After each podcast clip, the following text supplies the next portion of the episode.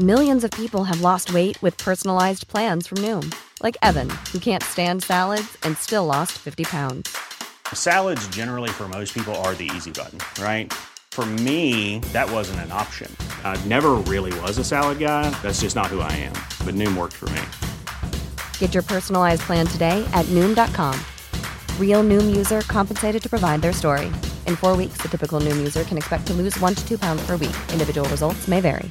Everyone knows therapy is great for solving problems, but getting therapy has its own problems too, like finding the right therapist, fitting into their schedule, and of course, the cost. Well, BetterHelp can solve those problems. It's totally online and built around your schedule. It's surprisingly affordable too. Connect with a credentialed therapist by phone, video, or online chat, all from the comfort of your home. Visit betterhelp.com to learn more and save 10% on your first month. That's BetterHelp, H E L P.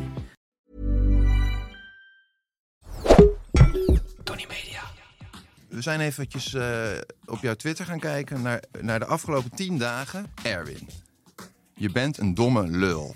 En gaat in de blok, zoals alle domme lullen. Of deze. Ja, maar kijk, dus, dit Nee, maar even. maar zo zie je dit dat. is, Ik- ben kijk, hier ik de ken- gespreksleider. nee, maar dus Jij krijgt nee, maar- straks een ongelimiteerde nee, tijd Willem, om nee, jezelf maar ik moet te hier even op. Dit is heel belangrijk. Kijk, ik ken Erwin niet.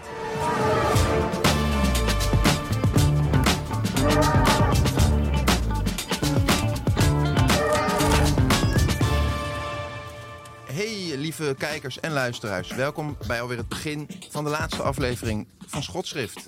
Wat een bijzonder moment.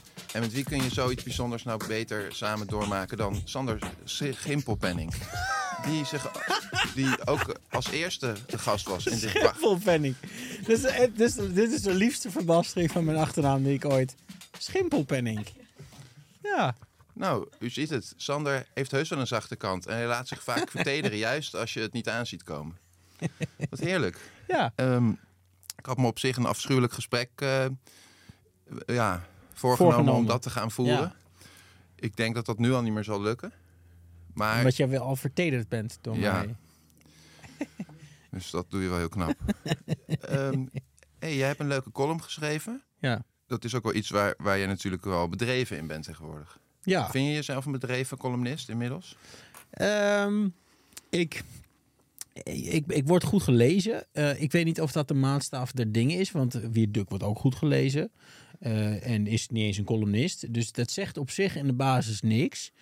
Ehm, maar ik ehm, heb wel het idee dat het, eh, zoals met alles eh, zo is, dat als je het vaker doet, dat je er beter in wordt. Waar ook wel weer een verraderlijke kant aan zit. Want je gaat op je lauren rusten. Je kan jezelf gaan herhalen. Je kan een soort van trucje je eigen maken. En zonder het misschien zelf door te hebben, dat te vaak doen. Ehm, dus ik, ik eh, ja, er zit wel een gevaar in eh, succesvol columnist zijn. Kijk, dit is nou echt een fijn antwoord. Want iedere vervolgvraag die ik al een beetje zo in mijn achterhoofd had... daar ben je zelf prachtig eh, op ingehaakt. want het heeft natuurlijk inderdaad twee kanten. Ja. Ik zat er wel eens aan te denken, ja, als je zo... Want je hebt wel een, je hebt wel een, een beetje, hoe noemen ze dat? Een, ehm, eh, hoe noemen ze dat ook alweer? Een polemische Ja. stijl van schrijven. En het is prima, is een leuke stijl. Maar dat als je dan echt een beetje een publiek opbouwt... lijkt het me altijd, echt altijd wel lastig om dan een soort van... Aan die feedback loop eigenlijk te ontsnappen. Ja, Ben je er, denk je daar wel eens over na? Ben je daar wel eens mee bezig? Ja, ehm, nou ja, ik denk dat je jezelf moet ontwikkelen. Dat mensen dat ook wel willen. Eh, dat ze dat wel willen zien. Ehm, eh, ik denk trouwens wel dat ze dat minder willen dan dat je dat zelf wil. Als je begrijpt wat ik bedoel. Dat ook heel veel mensen gewoon een kaartje kopen voor wat ze gewend zijn. En net zoals mensen die een concert van de Rolling Stones bezoeken, eh, alle hits willen horen en niet een of ander nieuw experimenteel dingetje. Je Ehm, zegt als, als Wiert Duk morgen een artikel schrijft van... ik ga mijn positie blijvend eh, aanpassen. Ja. Zwarte Piet moeten we echt mee kappen. En ook gewoon nu en heel erg veel afstand van nemen. zou er hem zijn- goed maken als columnist, want er zitten ontwikkelingen in. Maar, Eh, maar onder zijn achterban zeg jij... ja, dat is zelfmoord misschien, eh, natuurlijk. oh ja.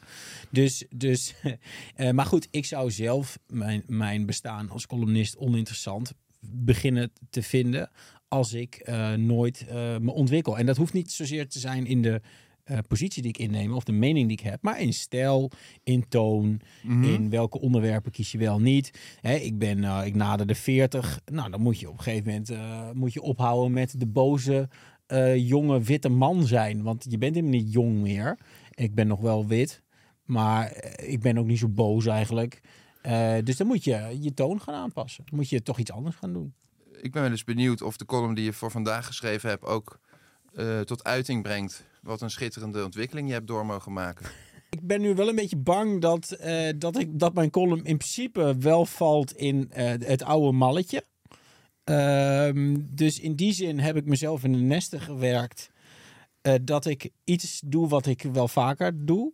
Ehm, en het is nu te laat om nog een andere column te maken, bedenk ik me. Die meer aansluit bij de ambitie die ik zojuist heb geformuleerd.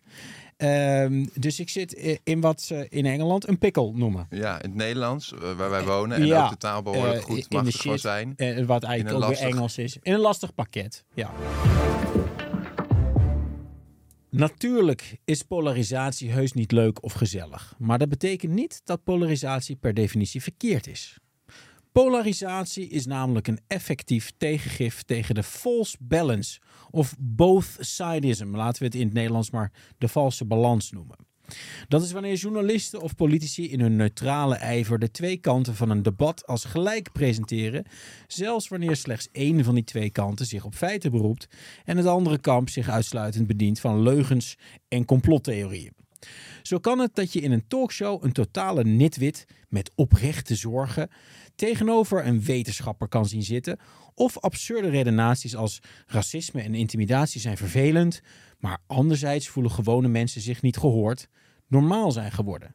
Je kan ook te begripvol zijn. Het lijkt logisch dat in landen met een cultuur van compromissen, zoals Nederland, de neiging tot het zoeken van een valse balans groter is dan in meer revolutionaire landen. Nederlandse kinderen wordt aangeleerd dat het beter is om weg te lopen wanneer er ruzie is. En dat wie vraagt, wordt overgeslagen. Naar zo'n toon hoef ik niet te luisteren. Kan dat nou niet wat aardiger? Ja, de toon was altijd al belangrijker dan de inhoud in Nederland. Dat is niet onlogisch, want de inhoud was lange tijd ook niet zo heel spannend. Maar we leven niet meer in een tijd waarin we ons de luxe van een debat over de toon kunnen permitteren.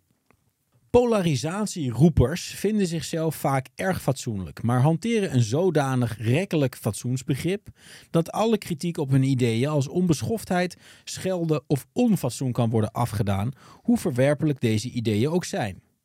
Ook ik krijg regelmatig te horen dat mensen mij weliswaar goede punten vinden maken, maar dat ze zo moeite hebben met de toon, dat ik zou schelden. Waarom probeer je niet meer te verbinden? Kan het nou niet wat fatsoenlijker? Maar waarom moet ik verbinden met mensen die denken dat fatsoen slechts aan de buitenkant zit? Hoe moet je verbinden met mensen die alleen maar voor hun eigen belang opkomen? Hoe verbind je überhaupt met mensen die er een hele andere waarheid op nahouden dan jijzelf?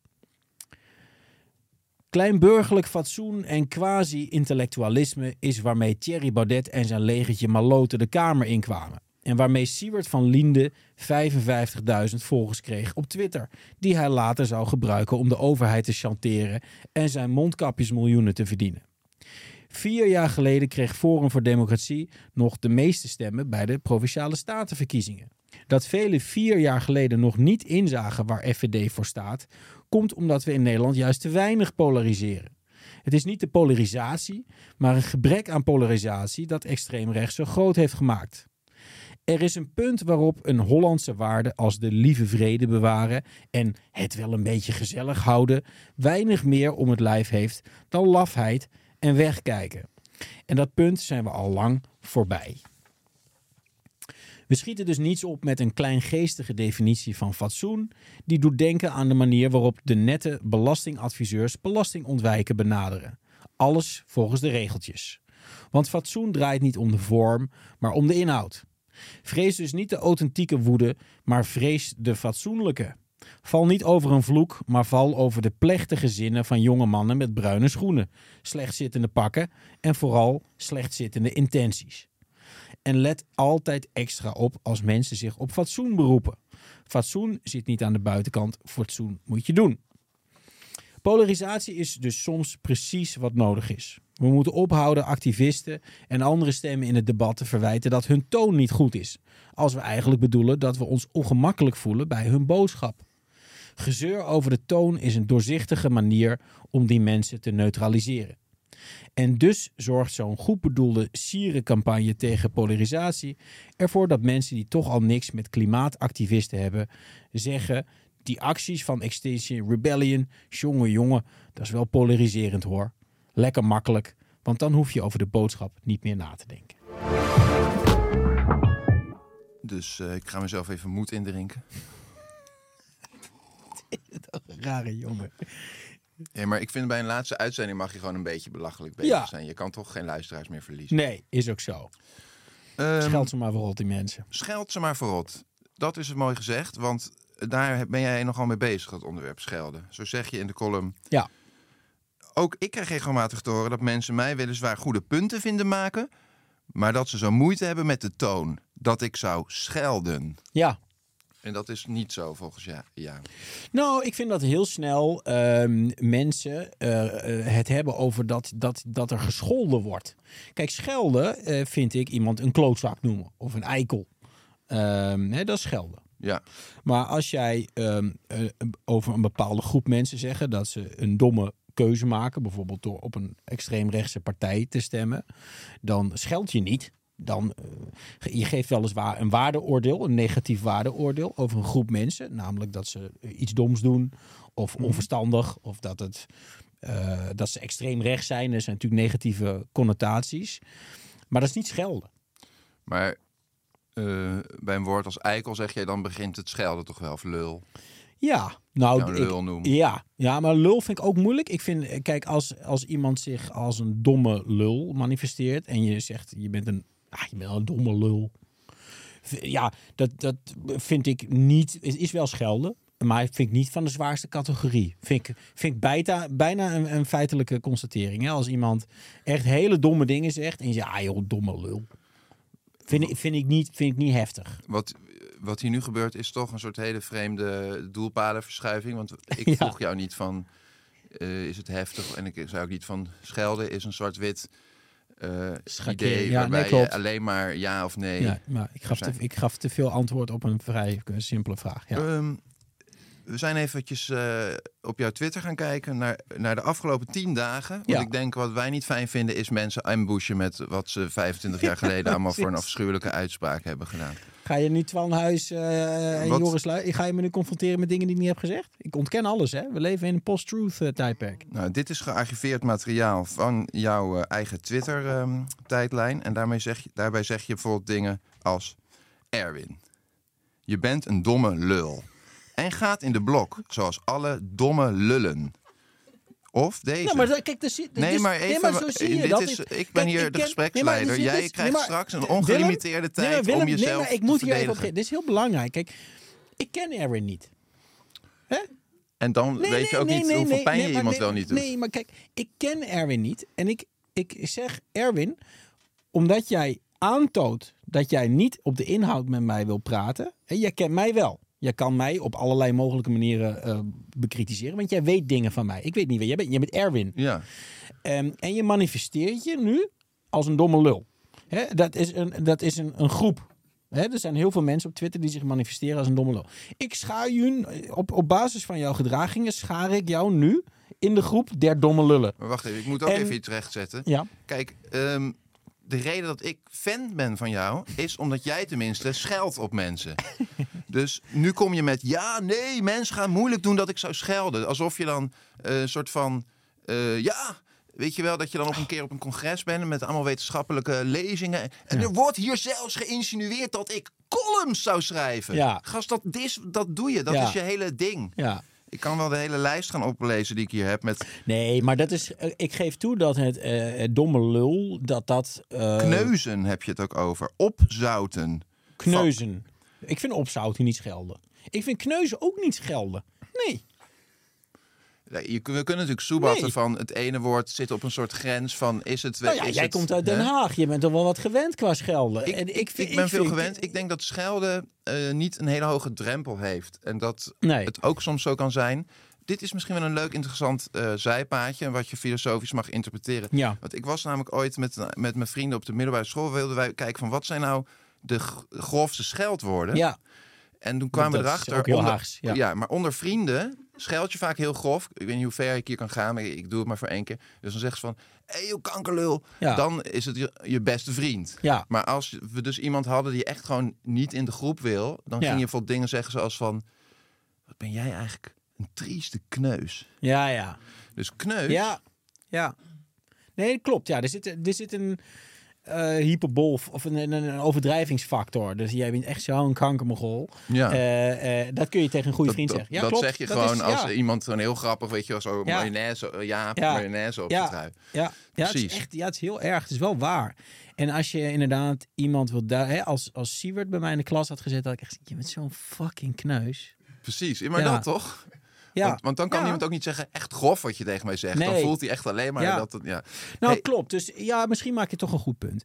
Ehm, dus, de- dus dat schelden, dat is voor mij wat vrijblijvender dan het voor Erwin in dit geval misschien is. Misschien denkt Erwin wel van, ja, ik zou eigenlijk best wel graag ehm, met Sander willen hangen bij het fietsenhok. Eh, eh, en hij, noemt Ja. me nu een domme lul. En dat komt echt binnen. Ik had dus was er van gecharmeerd geweest als je, als je juist in dit betoog gezegd had van... Ja, maar En we moeten ook niet de grens trekken. Bij Ja, schelden, dat hoort erbij. Polariseren. Ja, maar en maar kijk, pijn. ik ben natuurlijk wel ook een, ik heb ook wel, eh, ik heb ook wel wat te verliezen. Ik ben natuurlijk ook een, een Volkskrant columnist. Ik kan ook niet eh, gaan zeggen van ja, tuurlijk, ik scheld de hele tijd. Je moet ook niet die mensen die je eh, daarmee willen disqualificeren gelijk geven. Maar hè, zeg dan niet schelden, maar zeg je van... joh, iemand met Ik mijn... gebruik wel eens een krachtterm. Ja, iemand met de panache die ik heb... en ook nog de, het heerlijke stilisme binnen het gebruik van de Nederlandse taal...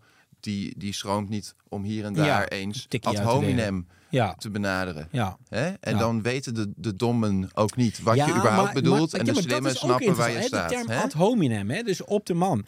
Hoe kan je op de man spelen als je niet weet wie die man is? Hè, Edwin, Edwin 385350, eh Nederlands vlaggetje trekkertje. Eh, ja, ik weet niet wie Edwin is. Hoe kan ik ad ho... Het is niet... Het is ad gens generalem, zou ik, hè? dus de, de, de- het is op, op zijn groep, op de mensheid die hij vertegenwoordigt. Het is niet, ik ken Edwin niet. Ik, je kan niet ad hominem als je die man helemaal niet kent. Je hebt je punt gemaakt. Ja. Ehm, Sander. Ja. Ik heb gewoon nog een aantal heerlijke vragen. Nou, dat mag. En ik ben benieuwd wat jij eh Ik sta er helemaal voor open. Zo schreef jij... Maar we leven niet meer in een tijd waarin we ons de luxe van een debat over de toon kunnen permitteren. Wanneer was een beetje zeg maar, de ideale tijd om een debat over de toon te voeren? Dat Nou, jij weet? Nou, kijk, eh, heel lang in Nederland waren de verschillen natuurlijk helemaal niet zo groot. Ehm, CDA, PvdA, VVD, er waren, sma waren accentverschillen. Hè? Er was een land van compromissen. Dus als je opeens, hè, als je in de, in de, in de tijd van, eh, nou ja, Balkenende nog, zal ik maar zeggen. Of, of daarvoor in de tijd van Kok, eh, Paars. Als dan opeens iemand eh ehm eh, fel van leer trok, dan, dan schrok je daarvan. En dan kan ik me voorstellen van, nou ja, is het nou nodig, die toon? We willen toch allemaal eh, dat het goed gaat met Nederland. We willen toch allemaal dezelfde dingen. Nou, op dit moment willen, er zijn mensen die willen echt fundamenteel andere dingen. Die willen zelfs van de democratie af. Die willen allerlei dingen die helemaal niet meer binnen Maar het jij maakt redelijke een liggen. tegenstelling van. Dus jij zegt, we, hebben, we kunnen ons de luxe nu niet permitteren. Nu Nee. zijn er zulke belangrijke onderwerpen. Vind ik Maar in de jaren ja. tachtig had je toch ook een, een, een hele extreme crisis. En, en met die atoombommen en, en na de Tweede Wereldoorlog. En, en, ja, hè, maar dat was met andere landen. en- en noem dus dus niet, niet intern. Ik bedoel, Ja. dat, je, dat je in Nederland zulke grote verschillen... En, en, en zulke- willen jullie naar de Dam? Dan gaan we naar de Dam. Dan gaan we naar de Dam, Sander. Was er toen eh, geen niks urgents? Nee, nou, maar het is, ik vind het wel anders. Dus ik, ik, ik merk heel erg in het debat dat, dat mensen die gewoon een boodschap hebben die, die, die onprettig is, namelijk dat mensen iets moeten inleveren, of dat nou een traditie is of eh, eh, weet ik veel, goedkoop gas, ehm, dat, dat ze niet zeggen, ja, ik vind die boodschap van jou niet leuk. Nee, ik ga de toon van jou nu aanvallen. Hè? Als iemand als kick-out Zwarte Piet zegt van nou, ik vind het niet zo leuk dat jullie zwart schilderen, vinden wij racistisch, vinden we stom.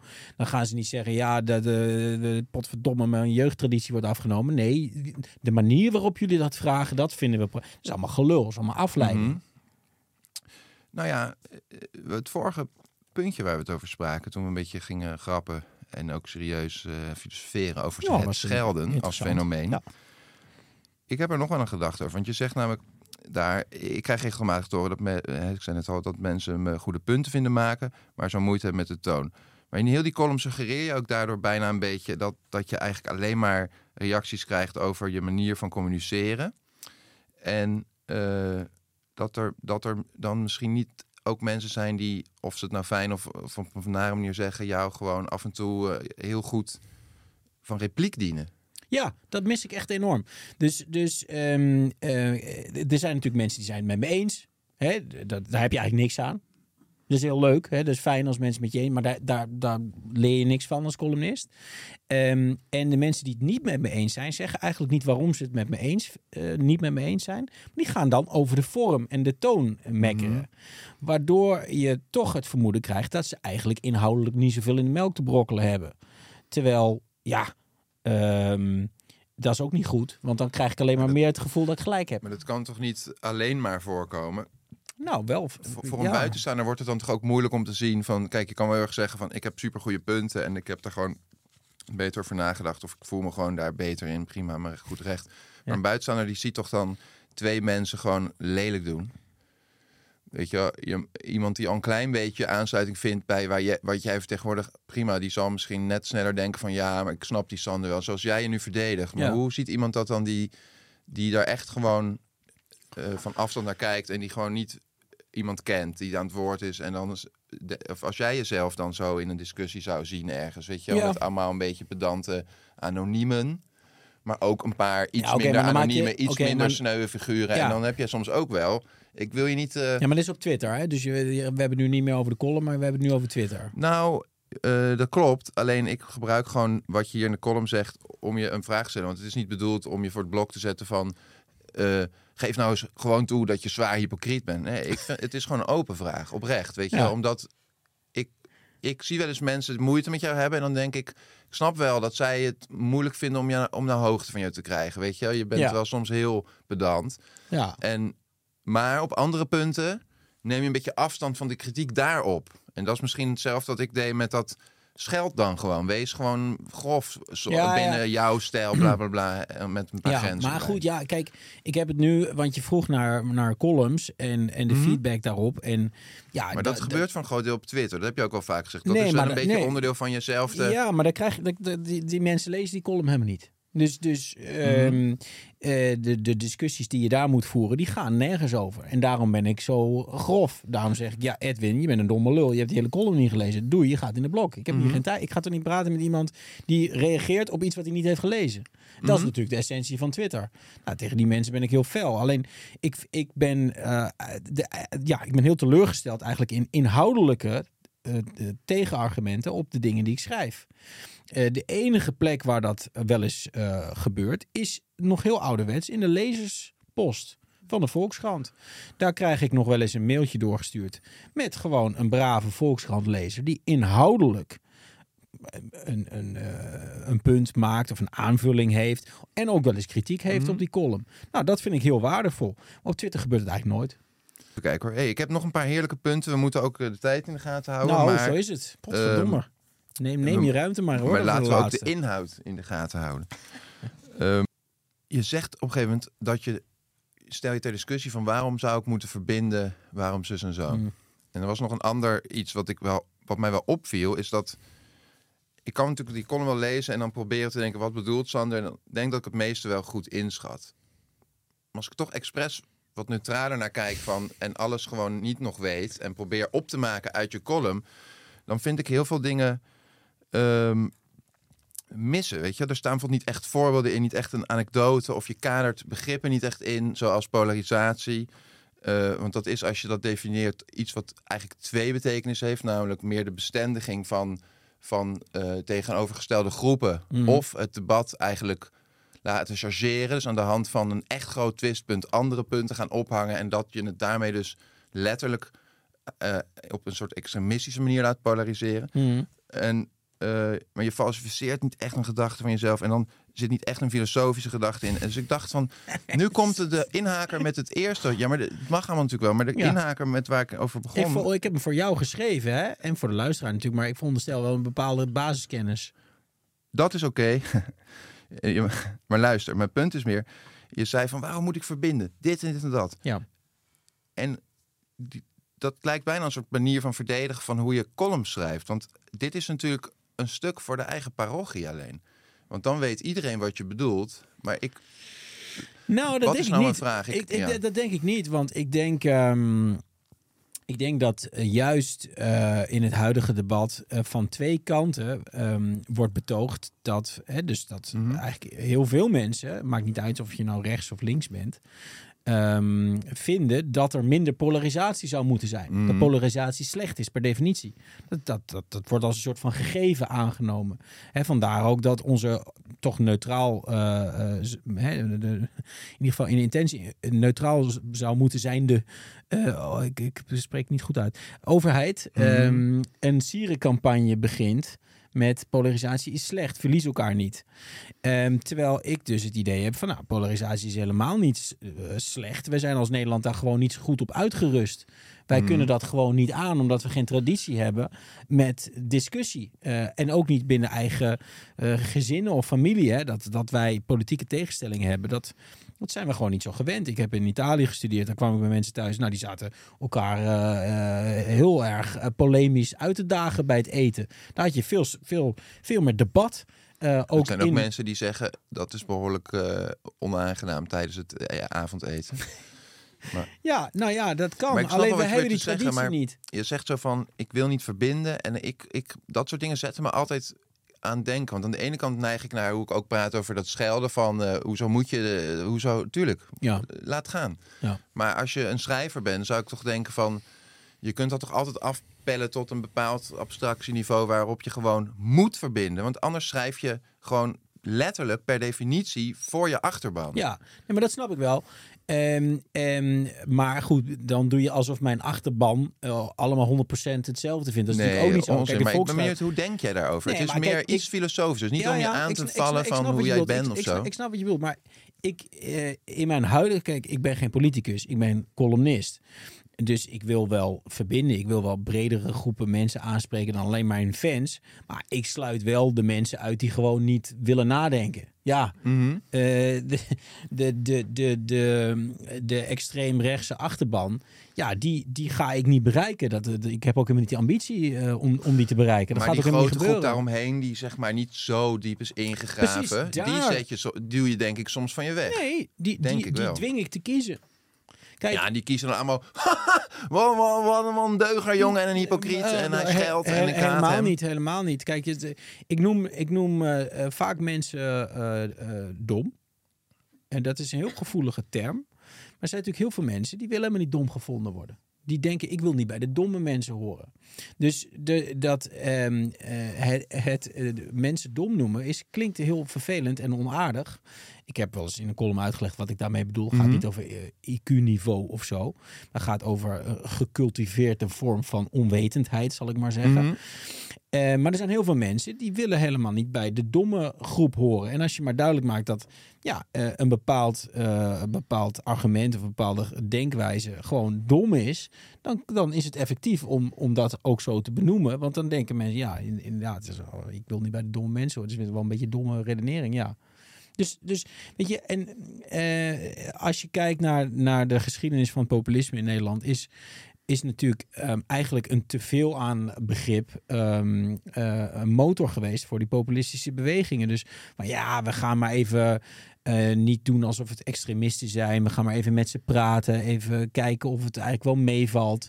Ehm, nou ja, dat, dat heeft niet gewerkt. Je moet juist mensen dwingen, kies maar. Je hebt hier Thierry Baudet en je hebt hier iemand anders. Eh, de waarheid ligt niet in het midden. Je moet gewoon kiezen. Dat is polariseren. En juist die middengroep, die nog niet echt weet wat ze ervan vinden, ja, die moet je af en toe dwingen om te, om te kiezen. Want in Nederland is die middengroep is het grootst. En daarvan wordt al, hè, daar, die heeft allemaal meegekregen, wat ik ook in de column noem. Van ja, de waarheid zal wel ergens in het midden liggen. Je moet ook niet, het moet wel een beetje gezellig blijven. Ja, soms is het niet gezellig. Soms moet je kiezen. Ja, je zegt veel dingen waar je ook weer hele lange en echt boeiende gesprekken over kan voeren. Want ik vind het altijd lastig. Ik zie ik meteen een hele grote strijd zijn tussen onderwerpen waarbij bijvoorbeeld een of andere halve tammen tegenover gewoon een medisch specialist zit. Ja, Maar als je het dan hebt over twee mensen met een andere politieke visie, ook al vind jij één daarvan heel duidelijk verwerpelijk, vind ik het veel lastiger om te zeggen: moet de journalistiek dan al, weet je wel, stelling nemen of moeten ze het gewoon Ja, maar ik ben een columnist. Ik ben geen... eh, Nee, z- oké, ja. maar daarom zei ik, daar kun je natuurlijk heel gesprek over voeren. Ja. Ik, ik, ehm, we, de column is het uitgangspunt, maar Ja. wat ik al zei, kijk, schotschrift, we moeten ook gaan afronden, is een plek waarbij we mensen Was een uiteindelijk... Moeten, ja, nee, we moeten- Willem, we moeten in de verleden tijd gaan praten. Schotschrift was een plek, nee, maar het is nog steeds een plek, want het is nu nog lopend. Vandaag, nu op dit Ja. moment. Ehm, waarbij we juist columnisten willen helpen zo goed mogelijk uit de verf te komen. Moeten ze alleen meewerken aan een afschuwelijk vraaggesprek. Ja. Nou, Ja. dat doe ben- fantastisch. Ik, ik wil even terugblikken. Wat, wat Doe vond je het, het, het, eh, het leukste gesprek wat je hebt gehad? Met welke columnist was dat? Misschien moeilijk kiezen, want je hebt veel soorten leuk. Maar Ja. eh, Tommy Wieringa maakte wel indruk op me. Ja? Vond ik wel tof dat hij hier wilde komen. En die was ook wel een ander type columnist dan alle anderen die we hadden. Dus toch een literaire schrijver. Maar Ja. hij kwam wel echt met, met echt een column, eh, met, met een mening. Maar hij stak er ook heel erg een, een beetje wat... Ja, gewoon wat meer eh, van die, van die kennis in. En een soort van heel mooi taalgebruik. En hij kwam met mooie vergelijkingen. Het was gewoon was heel tof en zo. En dat vond ik toen ook eh, interessant. En wat, wat, wie, wie vond je de grootste teleurstelling? Wat, wat was gewoon echt slecht? Ja, ik vind dat eh, lastig. eh, nee, dat is helemaal niet lastig, Willem. Je geeft gewoon antwoord. Ehm, ik weet niet of ik zin heb om net als jij iemand te zijn die dan met modder gaat gooien. Nee, maar niet met modder. Gewoon teleurgesteld. Je kan toch niet, je hoeft niet boos te zijn als vader? Nou, laat ik dan zo zeggen, het is moeilijk kiezen tussen de vele teleurstellingen die ik hierdoor heb moeten maken. Ja, maar dan moet je één iemands naam gaan noemen. Dat is toch afschuwelijk? oké. We zijn door de tijd heen en we gaan door naar het schitterende onderdeel. De column in één kop. Sander, je bent een domme lul en gaat in de blok. Zoals alle do- domme lullen.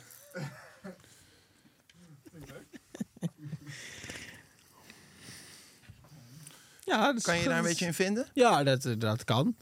Ehm, ja, jij gaat mij in de blok doen. En ehm, eh, Podimo doet eh, ons in de blok. Dus eh, wat dat betreft zijn we allemaal geblokt vanaf nu.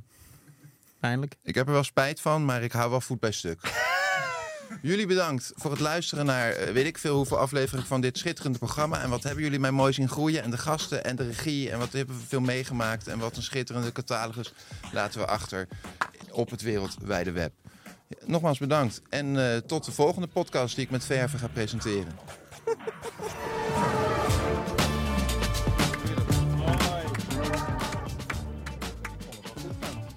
Hartstikke goed. Fijn.